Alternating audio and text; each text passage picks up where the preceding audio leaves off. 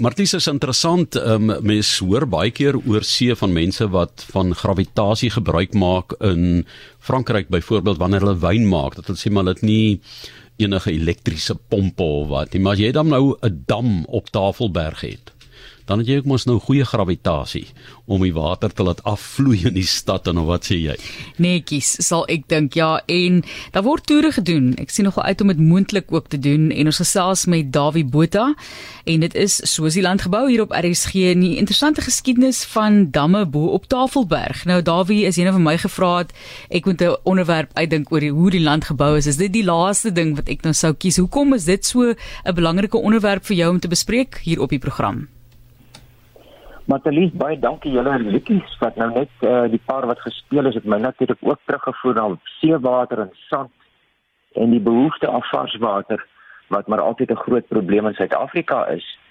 Uh ek het so gister dink oor die Wes-Kaap waarmee ons tans besig is en toe kom die idee op van dis droog en is warm hier in die Wes-Kaap en water bly 'n 'n saak. En toe dink ek maar kom ons praat 'n bietjie oor daardie paar interessante damme bo op Tafelberg daar's maar min plekke dink ek waar uh, bo op so 'n berg ooit damme gebou is. Nou drinkwater in in water vir kosproduksie was natuurlik deur die eeue vir die mens geweldig belangrik.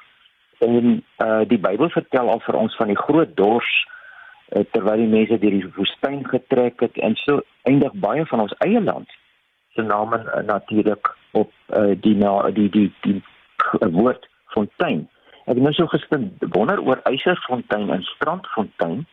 En dis dalk iets wat 'n mens kan na gaan kyk. Waar kom daardie name vandaan? Nou Eiserfontein is waarskynlik uh redelik logies. Vermoed daar is 'n bietjie yster in die water. Maar ja, en die Khoisan het het natuurlik ook 'n uh, slim plan gehad. Hulle het volstruiseiers vol water gemaak en dan op strategiese plekke in die sand begrawe. Daar in die in die Kalahari En dan die verhale soos die Dorsland trekkers wat daar deurgetrek het waar 'n paar honderd mense en duisende stuks vee as gevolg van dors omgekom het.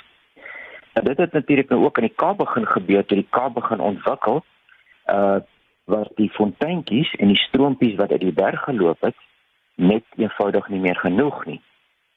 En bo op die Tafelberg plateau, dis nou daar deel van die nasionale park, is die Disa riviertjie Nou hy loop so half suidweste kant toe en hy loop daar by Houtbaai in die see.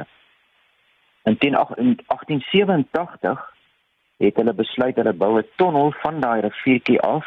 Nou van die tonnel weet ek nie veel nie, maar die uh, water het toe uit die Disa riviertjie via tonnel uh na die ander kant toe, na Kaapstad se kant toe geloop. Maar dit was toe ook nie genoeg nie in die Kaapstad se munisipaliteit het toe besluit om 'n jong Skotse ingenieur Thomas Stewart aan te stel om 'n dam te bou in die Disa ravyn. En die man wil ek eers ietsie oor vertel, 'n jong rou ingenieurtjie om dit so te stel uit Skotland. Hy het in 1904 die tweede president geword van die Cape Society of Civil Engineers. Dit is nou die voorloper van SAICI wat in 1903 gestig is. Daardie tyd was John Brown as president bekend as 'n spoorwegingenieur. Maar Thomas Stewart het sy naam later gemaak na hierdie dambouery as wateringenieur en is ook bekend as die vader van die raadgewende ingenieurs in Suid-Afrika. En nou sommer net net so 'n interessante uh, bysaakie. In sy presidentsrede het Scott onder andere, ag ekskuus, Stewart onder andere gesê, moet nooit gereedskap koop omdat dit goedkoop is nie koop net die byste handgestikte leerbande en onthou om jou ondervinding met jou mede-ingenieur broer of kollega te deel sodat hy sy masjiene kan koop en tot voordeel van homself en sy werkgewer gebruik. Nou dit is werklik waar wyse woorde om jou kennis vrylik met jou kollegas te deel en tot voordeel van die gemeenskap natuurlik. Wat uh wat eintlik iets is waar uh, siviele ingenieurswese by uitstek en uitblink. Nou ja, terug na die Hoete dam daar bo op die berg Die eerste dam is toe nou daar gebou in 8 tussen 1893 en 1897. En dit was die eerste groot swaartekragdam. En al wat dit nou beteken dit is dit is 'n uh, 'n klomp klippe en grond wat oor 'n stroom gegooi word. Dit is 'n swaartekragdam om dit baie eenvoudig te stel. En uh, daardie dam is dan nou met klip gebou. En die wal se buitekante is met die pragtige gekapte Tafelberg sandsteen afgewerk. Nou in, in terme van damme is hy maar 'n relatief beskeie dammetjie. Hy is 248 lank, 'n meter lank die uh, die wal en dan tog op 38 meter uh is die bal nogal redelik hoog bo die vlak van die rivier.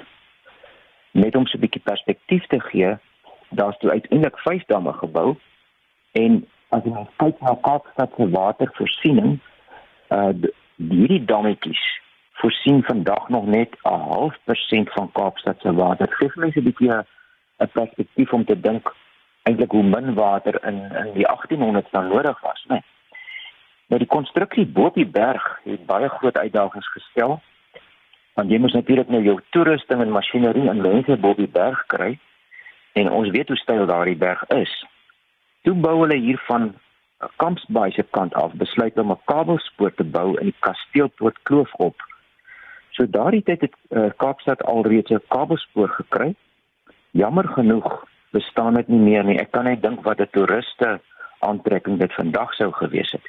Nou die kabelspoor was 'n bietjie meer as 1 en 'n half kilometer lank en hulle het die goedere met hom op vervoer in 665 meter hoog. Is is die dinge goeders weer afgelaai. Maar toe besluit hulle onder andere om die rotse uit die klipgroef met 'n mini spoorlyn te vervoer na die damterrein, dis nou bo op die berg. En dit het beteken dat hulle 'n stoomlokomotief uitmekaar gehaal het en stuk vir stuk met daai kabelspoor boontoe gevat het. En vandag staan daardie lokomotief nog by die museum bo op die berg. Nou ek verstaan dan dalk uh, die museum is nie meer so in goeie orde nie.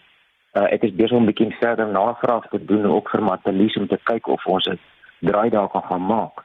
Lekker. Nou die ver, verhale rondom die dam lees natuurlik so 'n storieboek van innovasie en deursettingsvermoë vasbyt en natuurlik 'n sekere goeie deel van ingenieurshardkoppigheid.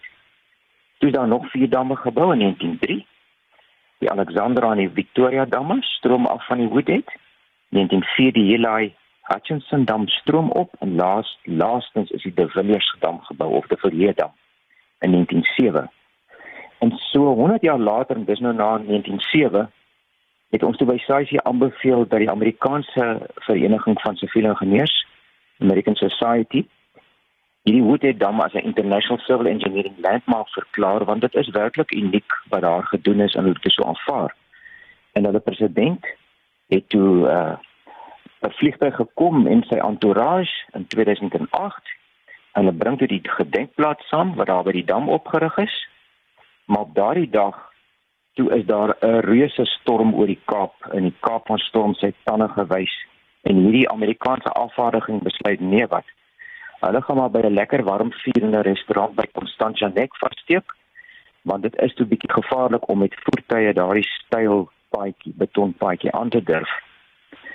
Maar uh Dr Kevin Wall wat in 2001 ons president by SAICI was hy sê gesoute Kaapenaar sê vir my dan loop ons die 6, 6 km of wat die berg uit maar daai dam gaan ons vandag besoek. En dis toe wat ek en hy en sy vriendin Dr Heidi Bolton gedoen het. Nou verbasend genoeg die ysige koue en selfs die fyn haalreën was ons voorland maar ons het dit werklik gemaak. Ek moet sê dit was nogal 'n uitdaging. En gelukkig vir ons het toe een van ons Kaap ingenieurs ons met sy vier trek voertuig kom haal Nou soos eh uh, Matlies ook net so kortliks genoem het, die damme kan besoek word. Die paadjie is 'n gewilde wedloop uh vir vir mense met met uh, baie uh pap en lebene om dit so te stel en stappersparadys. En uh ek glo dat 'n mens waarskynlik ook met spesiale toestemming uh 'n voertuig daar kan opgaan. Ek is besig om 'n bietjie daarna te kyk. En daar wat betref die stappaadjies moet mens net seker maak uh dat jy permit het van daar sekere dele wat wat beperk is waar jy permit moet kry.